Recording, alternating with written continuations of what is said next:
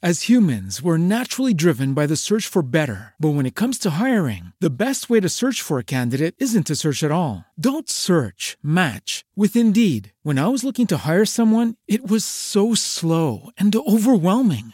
I wish I had used Indeed. If you need to hire, you need Indeed. Indeed is your matching and hiring platform with over 350 million global monthly visitors, according to Indeed data, and a matching engine that helps you find quality candidates fast. Ditch the busy work. Use Indeed for scheduling, screening, and messaging so you can connect with candidates faster. And Indeed doesn't just help you hire faster. 93% of employers agree Indeed delivers the highest quality matches compared to other job sites, according to a recent Indeed survey. And listeners of this show will get a $75 sponsored job credit to get your jobs more visibility at Indeed.com slash podcast. That's Indeed.com slash podcast. Terms and conditions apply. With Lucky Land slots, you can get lucky just about anywhere. Dearly beloved, we are gathered here today to. Has anyone seen the bride and groom? Sorry, sorry, we're here. We were getting lucky in the limo and we lost track of time. No, Lucky Land Casino, with cash prizes that add up quicker than a guest registry. In that case, I pronounce you lucky. Play for free at LuckyLandSlots.com. Daily bonuses are waiting. No purchase necessary. Void where prohibited by law. 18 plus. Terms and conditions apply. See website for details. During the strip search, they found this gram of tar in my cooch. You like tar?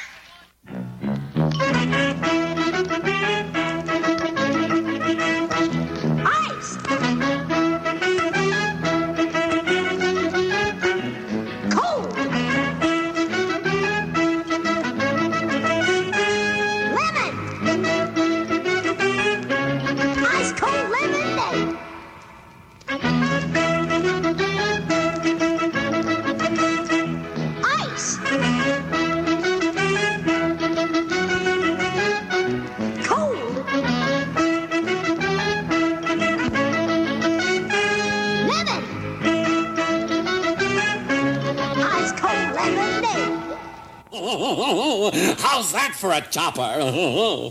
We are, in essence, ambassadors from the gringo nation.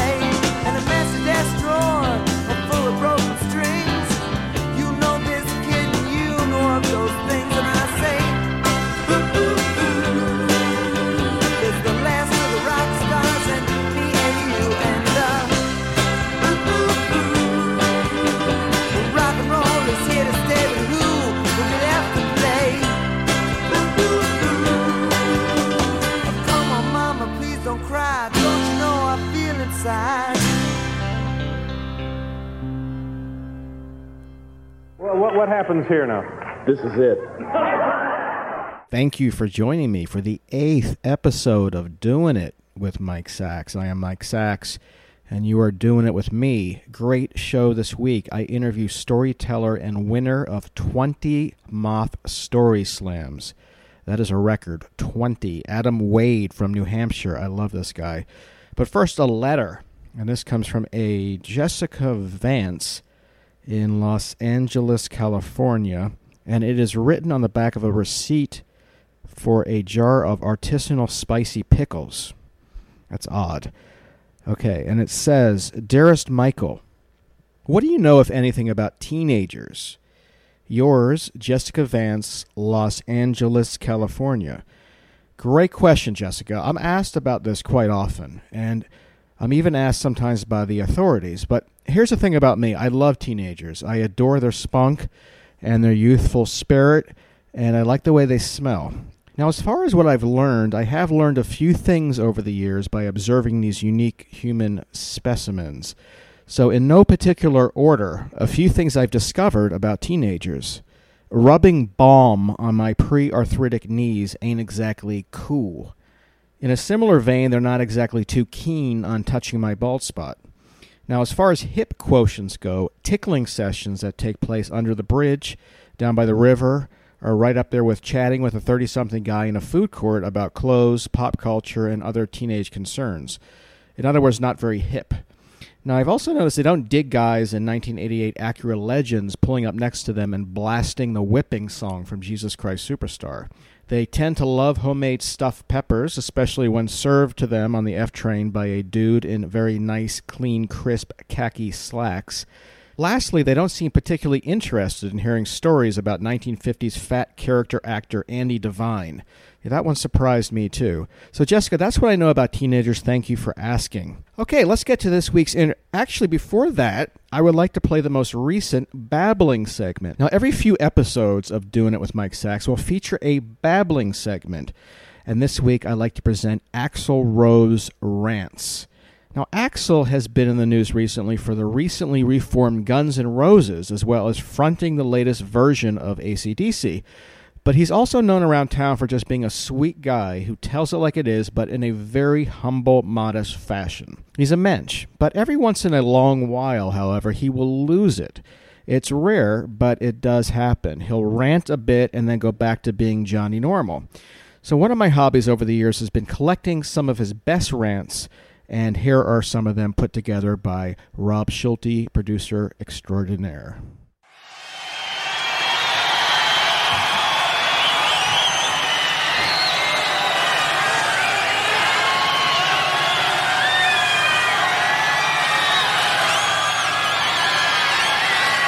I'd like to dedicate this next song to a man who likes to play games.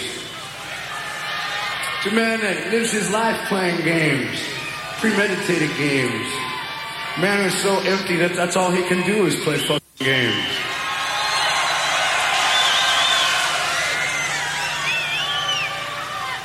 A man who's a parasite. A man who makes, who lives his life on sucking off other people's life force and their energy. An old man who likes to live vicariously through young people and suck up all their life because he has none of his own. I'd like to dedicate this song to a cheap punk named Warren Beatty. A man who has a family and a baby, but he's got to spend his time fucking around with other people because he doesn't know what to do with his own life. A man who uses you, uses the media, and uses everybody to, to, fulfill his parasitic needs. Well, listen, home. If you think Madonna kicked your ass, I'm betting my money on Annette, you stupid asshole. This is a song called. You believe all the shit you read?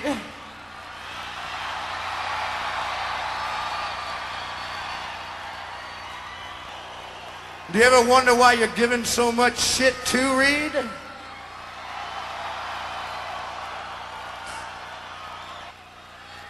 There's a lot of fucking people out there who, uh,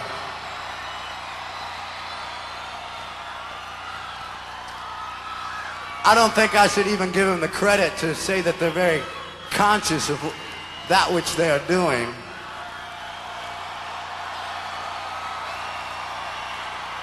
But it's mainly because they don't want things like this concert here in Oklahoma to fucking happen.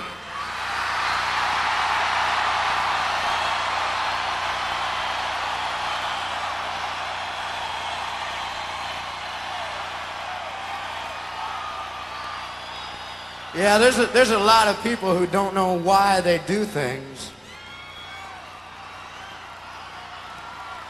But some of the reasons behind that are they don't want the people like you that are here tonight to see some little loudmouth fucker like me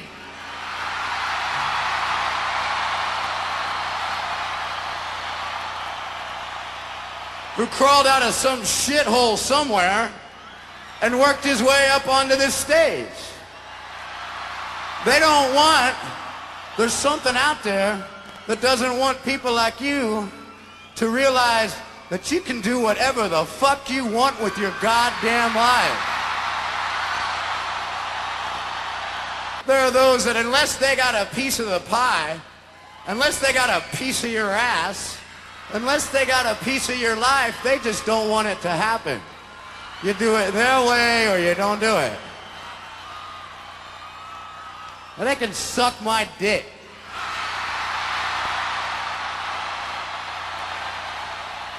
We'll talk about maybe your good friends, I don't know, Metallica for a minute. Let me, let me tell you a couple of things about Metallica. First off, they do a lot of bitching for a band who got paid about 20, 30% more than fucking what they deserved at a show because they didn't bring that much. Ooh, Axl's talking now. Well, listen to that. He's, who does he think he is? I'll tell you who I think I am. I thought I was friends with these people. You know, I don't know how long they were on the road, but there was nobody in their crew that had ever got a bonus or paid anything extra for working their fucking ass off and slaving for that man. I pretty much watched a lot of people get treated like shit and it wasn't very enjoyable.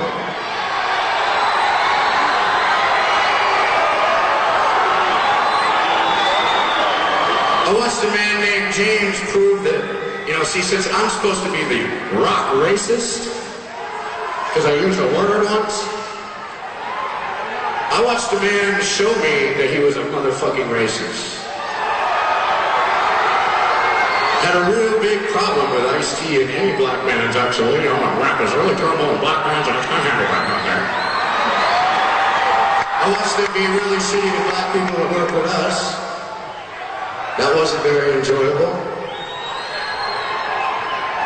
I watched them diss on other people like Sebastian and shit. People that like love this fucking band. They love Metallica. They would like fucking do anything for that band. But Metallica don't give a shit. Lars don't give a shit. Motherfucker calls me at four in the morning trying to kiss my ass and stuff. And It's like, but I can't trust the motherfucker. Because he's going to take it and figure out where to go make some more money.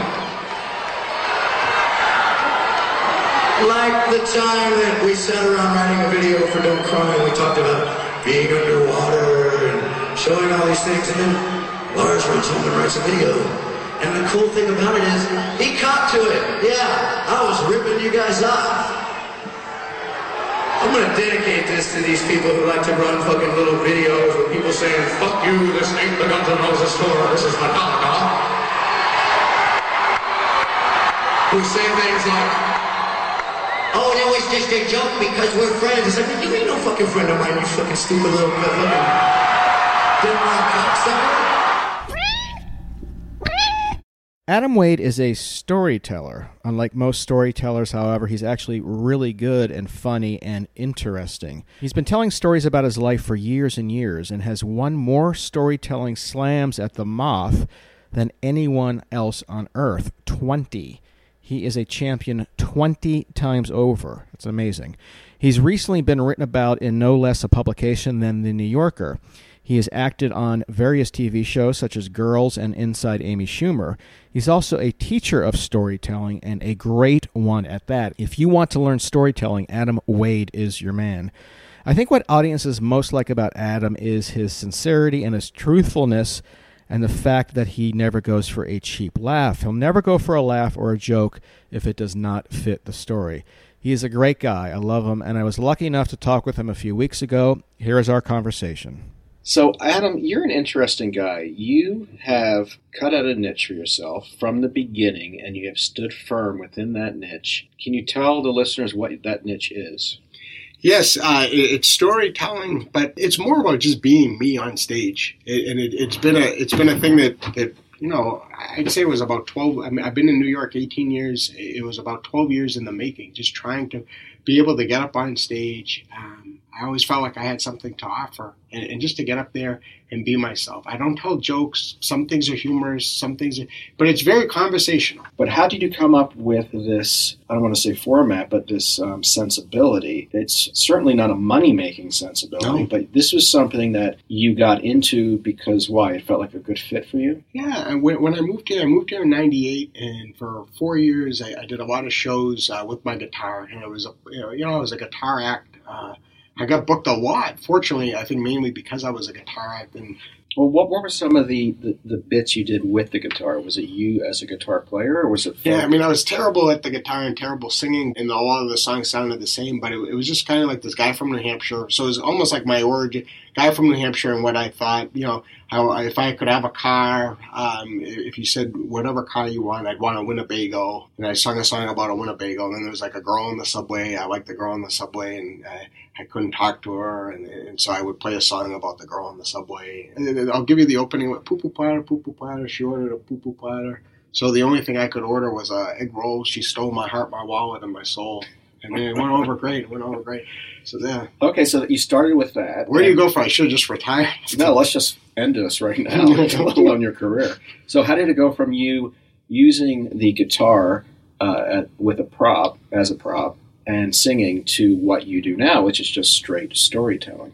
I was getting more not comfortable, but the banter in between songs because it was like almost like long form setup, and then the song would be like the joke or the punchline, and I would just do that. But the banter started getting better. I mean, the band like if I listened to the back of the tapes, the banter in between songs was much more. I, I just I was I was bored with the songs after a while. I mean, they're very one dimensional songs. I just from that point I didn't know what to do. I was kind of scared. So I and, and, I was getting booked on shows, and then um, you know I, I, worked a tough crowd with Colin Quinn, and it, and it was a big moment. Colin gave me a break. He went out of his way. There was a lot of production assistants that were trying to do stand up, but he actually asked to see a tape, so it was very nice. And he just said he's like Adam. He's like you should stop playing the guitar. And it just made sense. But from there, I, I once I gave up the guitar, I was having a lot more trouble booking the comedy shows uh, because you know you show up without the guitar and the, the surprise look on their faces, and then you I would just try to do the banter, and now without the guitar was like my shield. I was very insecure, and just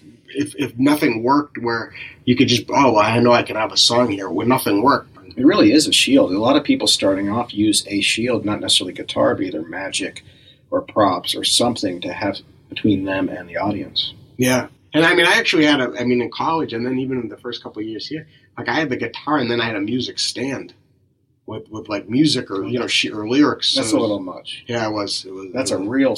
I mean, my had like a you know your marching man tuba up there with you. There have been some people who did it. Um, the guy, the actor who played um, one of the characters in Back to the Future, used to go up there with a tuba. Yeah, yeah, Remember yeah, that on yeah. Johnny Carson? He was funny, but I think there's only so far you can go with that. And I mean, that's why with the guitar, there, there was nothing, nowhere else I could go. I, I didn't play parodies. You got to keep this in mind. They were all three, every song sounded the same. So there wasn't really anywhere else to go. And that's what was like the scary part. I mean, and I, I didn't want to be doing the same. I couldn't be doing poo poo platter now. Yes, you could. Yeah, maybe. Bring back the hits. Bring back the poo poo platter. Bring back the poo poo platter. People, and it's weird because like some people, like you know, you bump into them, they're like, "Dude, you still playing Poo Poo Platter?" Hey, it's Mister Poo Poo Platter. Yeah. What do you got going on now? Well, I guess there is a point where you feel that you can't go in any further, and then at that point, you can either keep playing Poo Poo Platter or you have to bridge out. Or extend yourself out, and that's a frightening thing to do. It was so scary, and, and just confidence wise, you know, in doing shows, it was just bad. It was bad for for a while, and then I found the moth, uh, which was was a perfect timing for me. And you know, I got Colin's advice. Then someone else from Tough Crowd, John Bobby, who's one of the producers. One night we were at a bar and I was just talking. He's like, "You got to check out the moth," and, you know, because I was struggling where to find this thing. So I went, and then I, I immediately felt like this audience was like the perfect audience for me. They listened. It got quiet, and I used to get scared until someone said, like, when it's quiet, they're listening. You know, that's such the antithesis of a comedy crowd. When they're quiet, it's horrifying. Yes. But it, that, that strikes me as interesting is that you found this even before the moth existed. You just knew you wanted to do it, and you stumbled into this world where you came up together, and it was such a perfect match. And then the moth became huge. Yeah, you're lucky. It's almost like I, I studied the folk music revival uh, of the late '50s, early '60s in, in New York. My senior year in college, so uh, like I, it, there's a I think there's a lot of strong connections uh, with the moth with that. Just as far as people coming along, different people, you know, uh, telling stories.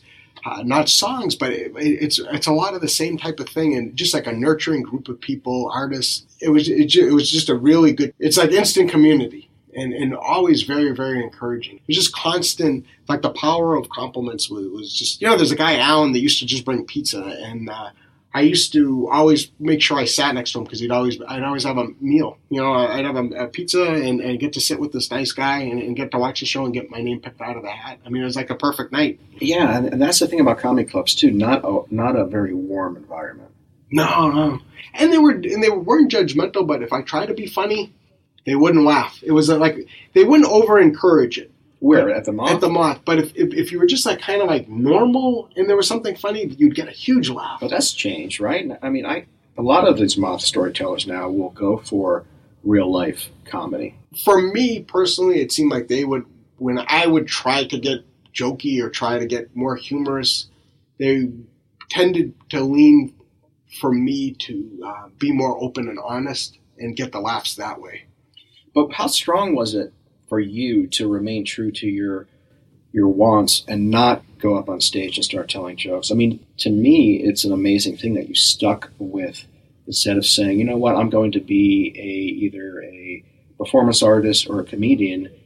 I'm just going to do what I want to do, and I'm going to stay with that because it must have been a long, lonely process. Very, very lonely, uh, very arduous. Um, but there were the bottom line is you know there'd be shows that you would do and you'd leave and I felt better than I ever had performing before just because there was a connection with the audience. Even when I started doing storytelling I was very very very much still a caricature of myself. And over the course of you know I've been doing it like about 12 years 13 years I'd say the first five years it was still it was just getting more and more comfortable seeing other people be comfortable on stage in conversation and, and just kind of peeling down. It was almost like Gilbert Gottfried esque. But, you know, likable. I, I could win things and, and, and, still win them over. But I wasn't fully, I still felt like a lot of my stories were one dimensional. And it's, it's slowly, each time I went up, I was a little bit more comfortable, a little less nervous, uh, a little less insecure about being myself. And this is like doing shows, uh, you know, I was doing shows like once a month with the moth, twice a month with the moth. Then there's other satellite shows started to come up. So then it's like four shows a month, five shows, then up to like you know eight shows a month, ten shows a month.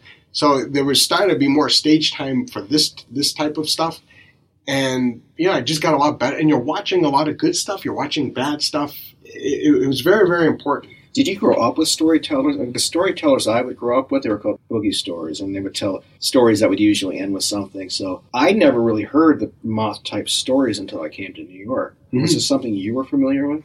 Um, like Jean Shepherd stuff, I was aware of. Let's talk about Jean Shepherd. Yeah, I mean, H- How were you familiar with him? Jean Shepherd was a writer and a DJ out of Indianapolis, very blue collar, and he used to work the night shift uh, for the radio. And he used to have a very big crowd of people who were very, very into his sensibility. But how were you a fan of his radio work or his writing? One of my earliest memories uh, when I was in going into second grade, uh, that summer we were moving, so I was living at my grandmother and grandfather's house. And Fourth of July, PBS had this movie, and it was the it was the uh, Fourth of July story. Had know, like Matt Dillon's in it. It's edited. I think it's shot both in film and on video. the way it was, but I remember, I just, I, you know, I'm seven, eight years old. I just remember it so vividly seeing that and just being so attracted to it. Never really remembered who it was and what, but it had such an effect on me. So when I moved here in 98, uh, one of the first things I would always do, I found out about the museum, but it's a Paley Center now, but it was the Museum of TV and Radio. And I would go and I'd, I, I wanted to find that thing. And then I found out it was Jean Shepherd. And I, I, I- watched it again and like it, it, I was just so connected and that it had a huge impact because because that still all those years later it still really resonated even more than the Christmas story. Well, what was it about his sensibility that affected you and still affects you? I just felt very, very connected to him. I, I and he reminded me a lot of my dad. My dad tells stories, uh, like a lot of stories. By growing up, my mom worked at Filene's at the mall in New Hampshire, and my dad and I would always go and visit her on Saturdays. She worked like nine to six or whatever.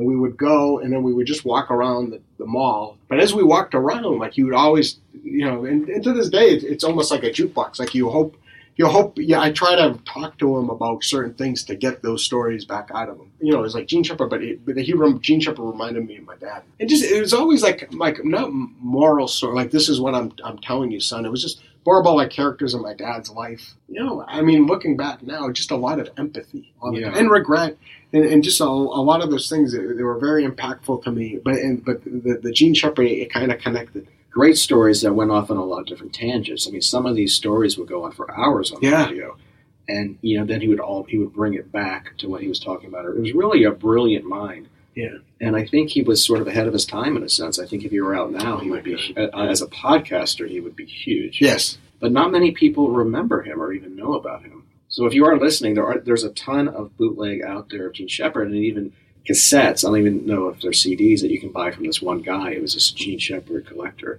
because there really was a goodness about him, but very honest and very well drawn out characters. Mhm. So uh, do you remember any of the stories that your father told you? Know, just like college stories with his, some of his college buddies, like that, trying to get his brother out of trouble. Let's talk about some of your stories, which I find I've never forgotten these. These are really good stories.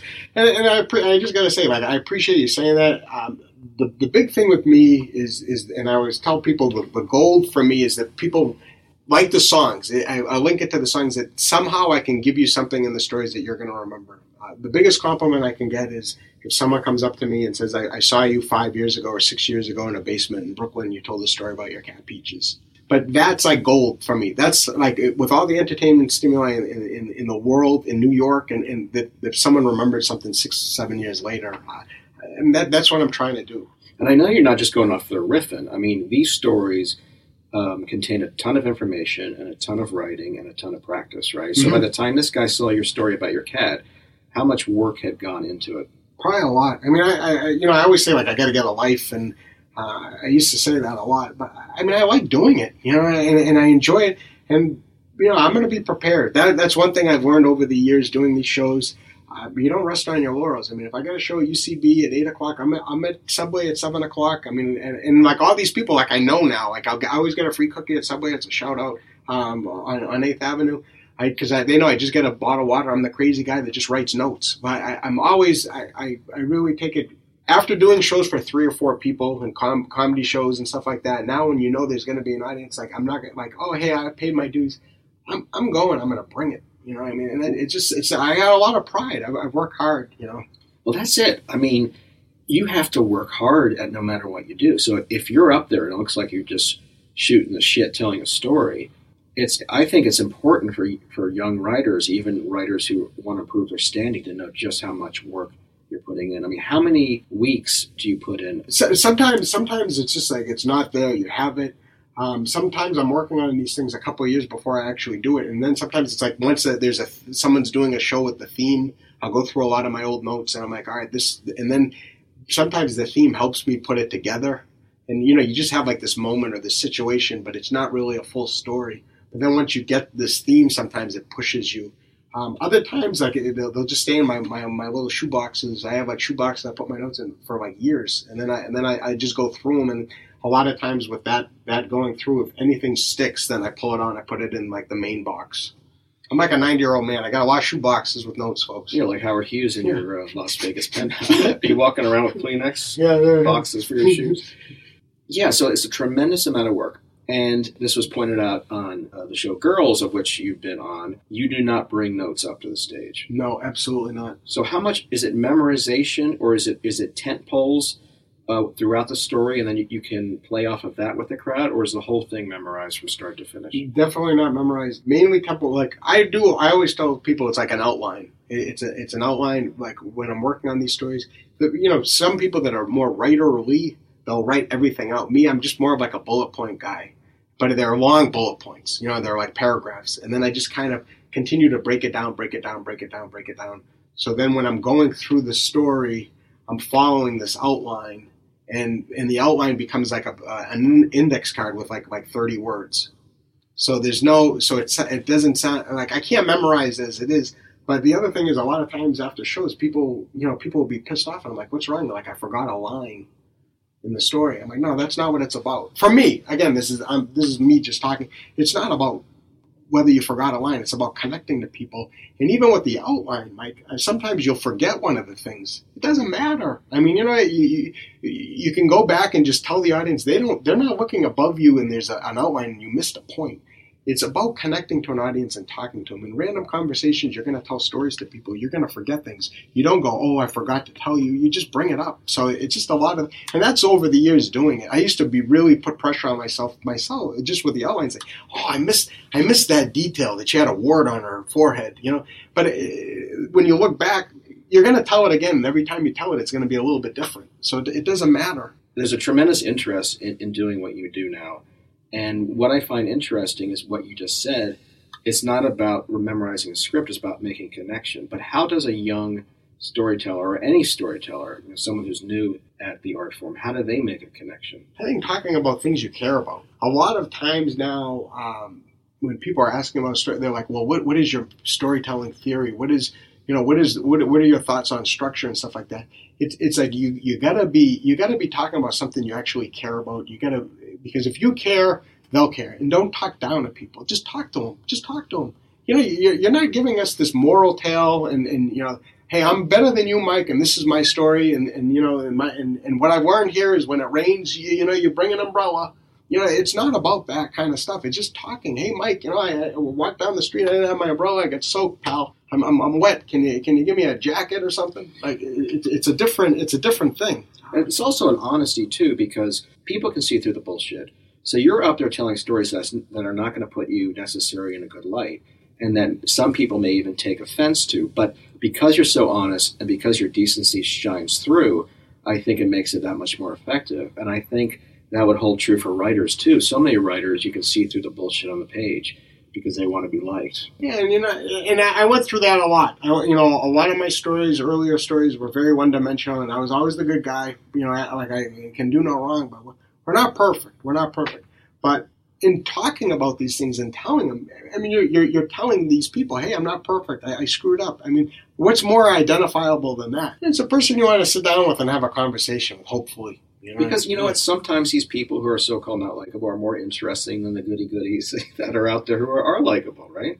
I absolutely. mean, who wants to hang out with a real likable guy all the time? You want some edge. You want some darkness there. And when you talk about edge, you talk about darkness. Talk about Adam Wade. But these stories, I, I it's funny you mentioned songs because I remember them almost like melodies. And um, I don't know how you feel about telling stories not on stage, but if you're into the idea, one of my favorite stories is your college experience with your roommate. Yeah, Gonzo. All right, can you talk about that? Are you Yeah, yeah, yeah. I mean, I just had a, a roommate that was. Uh, I mean, we were definitely polar opposites, and he was just like he picked on me. He's a bully. You know, hey Adam Wade, how you doing? And he, he mimicked my voice. He knew all my insecurities very quickly. He was good at that. Um, and one of the things is he would uh, have sex loudly. And I told him to keep it down because I'm trying to sleep, and, and he got like louder. And he worked at like a restaurant with her. And he was going to school to be a gym teacher, so in the morning he would leave, and I'd be with her you know, and we kind of, I, I grow on people. I'm like a fungus, so like I, I talk to her in the morning, like we good. I mean, I'm in the room with her, like good morning, you know. And then like one time, like it was like cold out, and she was like leaving. I'm like, hey, listen, you should bundle up a little. You don't want to get a cold. I think she took that very, you know, very sweet. And she came back, and the next week she was she stayed over.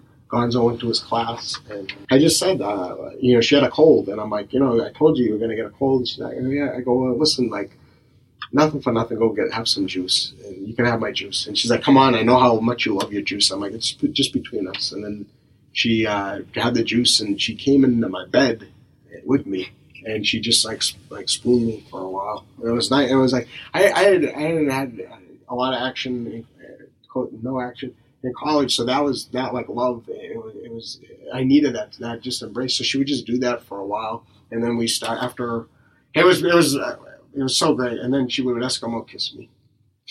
So she wouldn't really kiss you. She'd Eskimo no, it was just Eskimo kiss, and then uh, you know just a little like good like, right before she got out of my bed. She didn't want to cheat on Gonzo. She didn't want to cheat on Gonzo. No, Gonzo Oh. had no idea that you were spooning with his gal. No, no, but it was great after that. So when they would have, when they were having sex, I, I was, I was great. I was more like, um, I used to be like enraged, and then I was just like, yeah, I do it. But you know, tomorrow while you're in your gym class, she's gonna be with me and spooning and. So it was almost as if you were doing it by proxy through Gonzo. Yeah, yeah.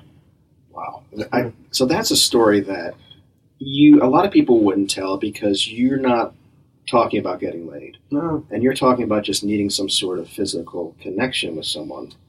it was, it was one of the best relationships I had in college. Oh Lord. But you know, hey, we grow, we grow. Where is she this these days? Yeah, I'm not sure. I hope she's doing well though. She's nice. But a lot of your stories too connect in ways that people might feel that it's it's goofy or it's you know just a little bit too on the sappy side. For instance, the story that you have with your aunt. Uh, I, n- I never forgot that story. That's a great story that took place uh, back in New Hampshire. Can you talk about that? Who, The one at the airport? Yes. Yeah, yeah, yeah. So yeah, I got caught at an inspiration point with my uh, where my, all the high school kids used to make out at uh, with my grandmother and my aunt. We, they want it was like a Saturday night. We used to always go out. Um, I would take them out to eat. That was my thing. So when most kids are going on dates and stuff like that, or hanging out, going to drinking parties, I, I spent like every Saturday night with them. Uh, and at the time, you know, you have your looking back, I'm, I'm very happy. I, I, I would not trade that for the. Um, so I would take them out to eat and then just drive them around, go to the cemetery, go to McDonald's. We, we would just have a, have a full night, just the three of us. And they would always ask to go to the airport and watch a plane. That was like the only thing they ever asked me. So they gave me unconditional love. They thought I was the greatest. Um, and, and I would never take them because I knew that's where all the kids, I had never been there, but that's where all the kids went to make out. So one night I finally decided my junior year in the springtime, like, all right, we'll go watch one plane because there's no cars yet. And by the time it's a small airport, not a lot of planes. So once the plane took off, they got in a fight, and I, it was funny the way my grandma asked me if the plane's going to China, and I was like, "How the hell do I know?" And then they started fighting the, about the question, and uh, then I looked up, and then there was just all these cars, and I just got So the, your your high school classmates saw you with your your grandmother and your aunt yeah, in the car, yeah. And which cannot have helped your social situation. no, no. no. But as you point out, looking back, you would rather have been there than you would have with, uh, elsewhere because you, both of them passed away. Yeah, absolutely. And my only regret, my, I don't have a lot of regrets in my life. Mike. I mean, I moved here after college, and you know, I've really worked hard at doing all the things I love to do, success or no success. But like one of the biggest regrets, like I never took them back. I mean, they never asked me to do anything, and that was like one thing. Um, and they and they had a lot of joy when I mean when the plane flew above us. I mean, we all went like we. I mean, it was exciting. I mean, we were really happy. Yeah, that's a story I've never forgotten. That that's that hits on a lot of different levels, and you're not up there going for the joke. You're going for character, which to me, character always lasts longer than jokes. I mean, all the great comedy over the years, going back to Charlie Chaplin and David Brent, even The Simpsons, are all character based. it, it- it's when you when you switch full on. I, I think one of the times where I can really say like I, I kind of said this is what I'm doing and I don't care and I'm, I'm going to really stick with it and go with it. It was like um, Jon uh, Friedman used to have the rejection show. It was at UCB one night and there was a lot of good people on the show and and I did that story and I was just like I don't care like I'm going to do it. And it was really weird because I, I was I watched the whole show in, in the audience and you know the audience was really laughing a lot. And then when I went up, you know, you know, you're doing some. I mean, there's humorous points in the story. I know I didn't really give it too much justice, but there's humorous points. But it's it's definitely a story about regret and stuff. At the end, it, it felt weird. Like uh, I don't know, you know, if I did the right thing. And and but that doubt like shrunk quickly. I'm like, no, this is this is what you do. This is what you do. And then at the end of it, that's that's like one show where people have come back to me and said, "I was there when you did that story." It's incredible that, that you would feel this is what I do because this isn't getting you booked on TV shows. This isn't getting you a sitcom. This is just you doing what you felt you needed to do. And after so many years, you are hitting your stride. I mean, beyond that, you were just written up in the New Yorker. Mm-hmm. And I just love the fact that you stuck with us for that long and that the you made the audience come to you in a sense that you weren't going to pander. And by doing that, you've reached uh, you're you're getting bigger and bigger audiences. I mean, I showed up at your Bell House show that was recorded live for your CD, and it was about a half hour before it was completely sold out. Yeah, that, that was that was an amazing thing. I, I was I felt awful that he didn't get in, but it, but it was yeah it was it was you know I'm, I'm, I'm not married I don't have kids. It was like the greatest night of my life. You know, and people have been very good to me. Um, the you know Colin Quinn show. I mean, they're the production staff on Colin Quinn on Tough and Colin Quinn. They're all doing amazing things. All just good people. I've just been very fortunate, and to have that show, it was like each person from each of these years of 18 years being in that audience and looking down and seeing them, and I, I really did feel like I'm like I say on the album, like I, I feel like I've been here 17 years. I, I feel like I made it. I, I did. And, you know, I really I felt like from what I want out of all this, I really felt um, I really felt good. You know, and, and not deserve it. I just felt it was just a night. It was nice. It was. It, the fact is, they were nice to you and they love you because you're a great guy and you, you, you were nice to them. So I, I think that's part of the appeal of you. I mean, you're a genuinely decent person. I think that comes through in, in your stories. I mean, these aren't faked stories. These, these are someone, this is someone going through life who you can really associate with. It's amazing to see what's going on with you. Yeah, it's really exciting. Well, you you and you know you have been one of the, these people the last 10, 12 years. You know, always like a, again, you know, people that are in uh, positions like a compliment goes a long way. I, ho- I hope people know that. And you know, like, Well, truthfully, it's so. f- I I don't love much out there, but what I love, I really love, and I always love your stuff.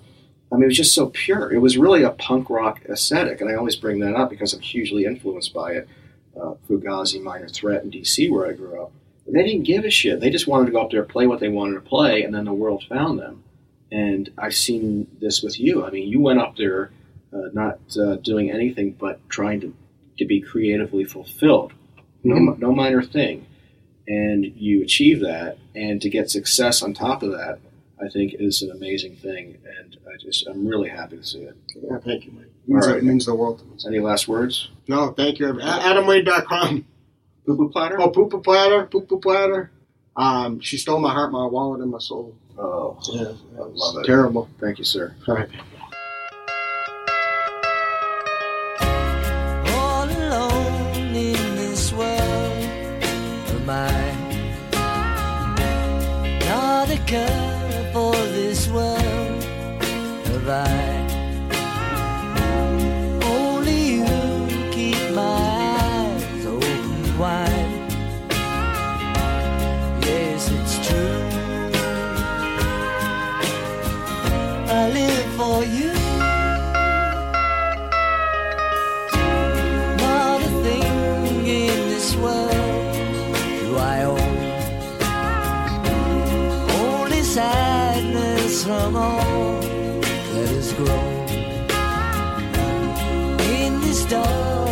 darkness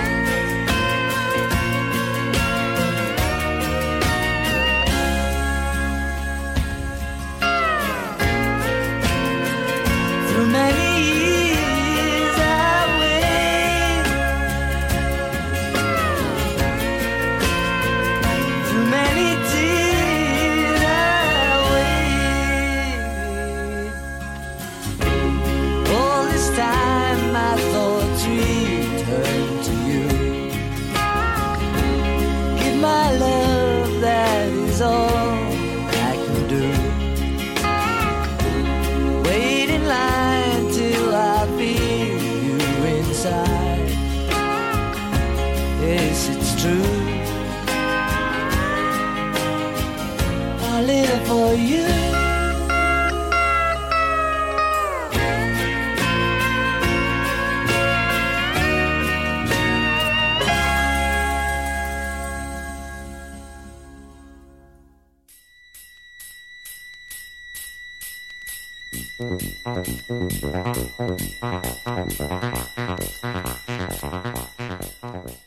That's it for this 424th episode of Doing It with Mike Sacks. You just did it with Mike Sacks. Here are some highlights from the upcoming podcast. Two Step Lucy will be here once again to show off her verbal dexterity while chewing on a Twizzler, but not with her mouth. I will be reading my epic poem about my hatred for white trash honky cops who like killing innocents in parking lots and empty fields and by the side of major highways. It's going to be a fun one, folks. The long awaited results of all of my STD tests will finally be released, and they will be read by James Earl Jones. I will be talking about that one time at summer camp down in North Carolina when I was asked to participate in a boner contest.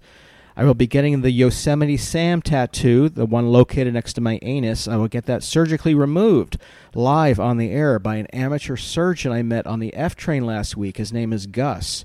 I will introduce you to my new summer intern, Holly. Holly would like to one day also be a professional writer who is divorced and lives alone. I will be deep diving into the peculiar relationship that exists between Marc Maron and Lorne Michaels. This will be a 900 minute expose, the real nitty gritty, the popcorn, the hurt feelings, the what ifs, the shoulda, coulda, wouldas, heady stuff. I will be listing and then playing my all time favorite 101 songs by the Crash Test Dummies. Will hmm, hmm, hmm, hmm be on the list? We shall see. Lastly, I will be talking with Judge John R. Hodgman about his ironic mustache and his penchant for delicious quips. I love this guy, and you will too.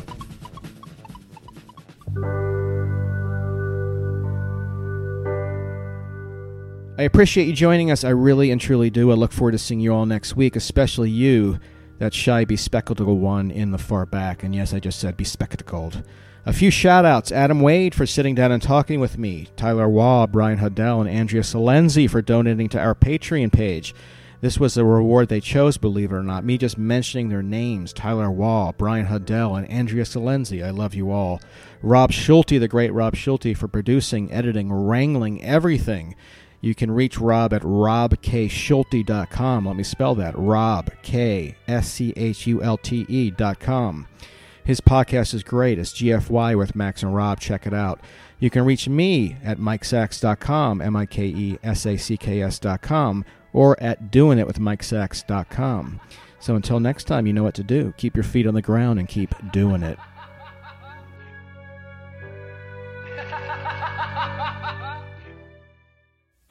You know what a Christian is? I've got a really good definition.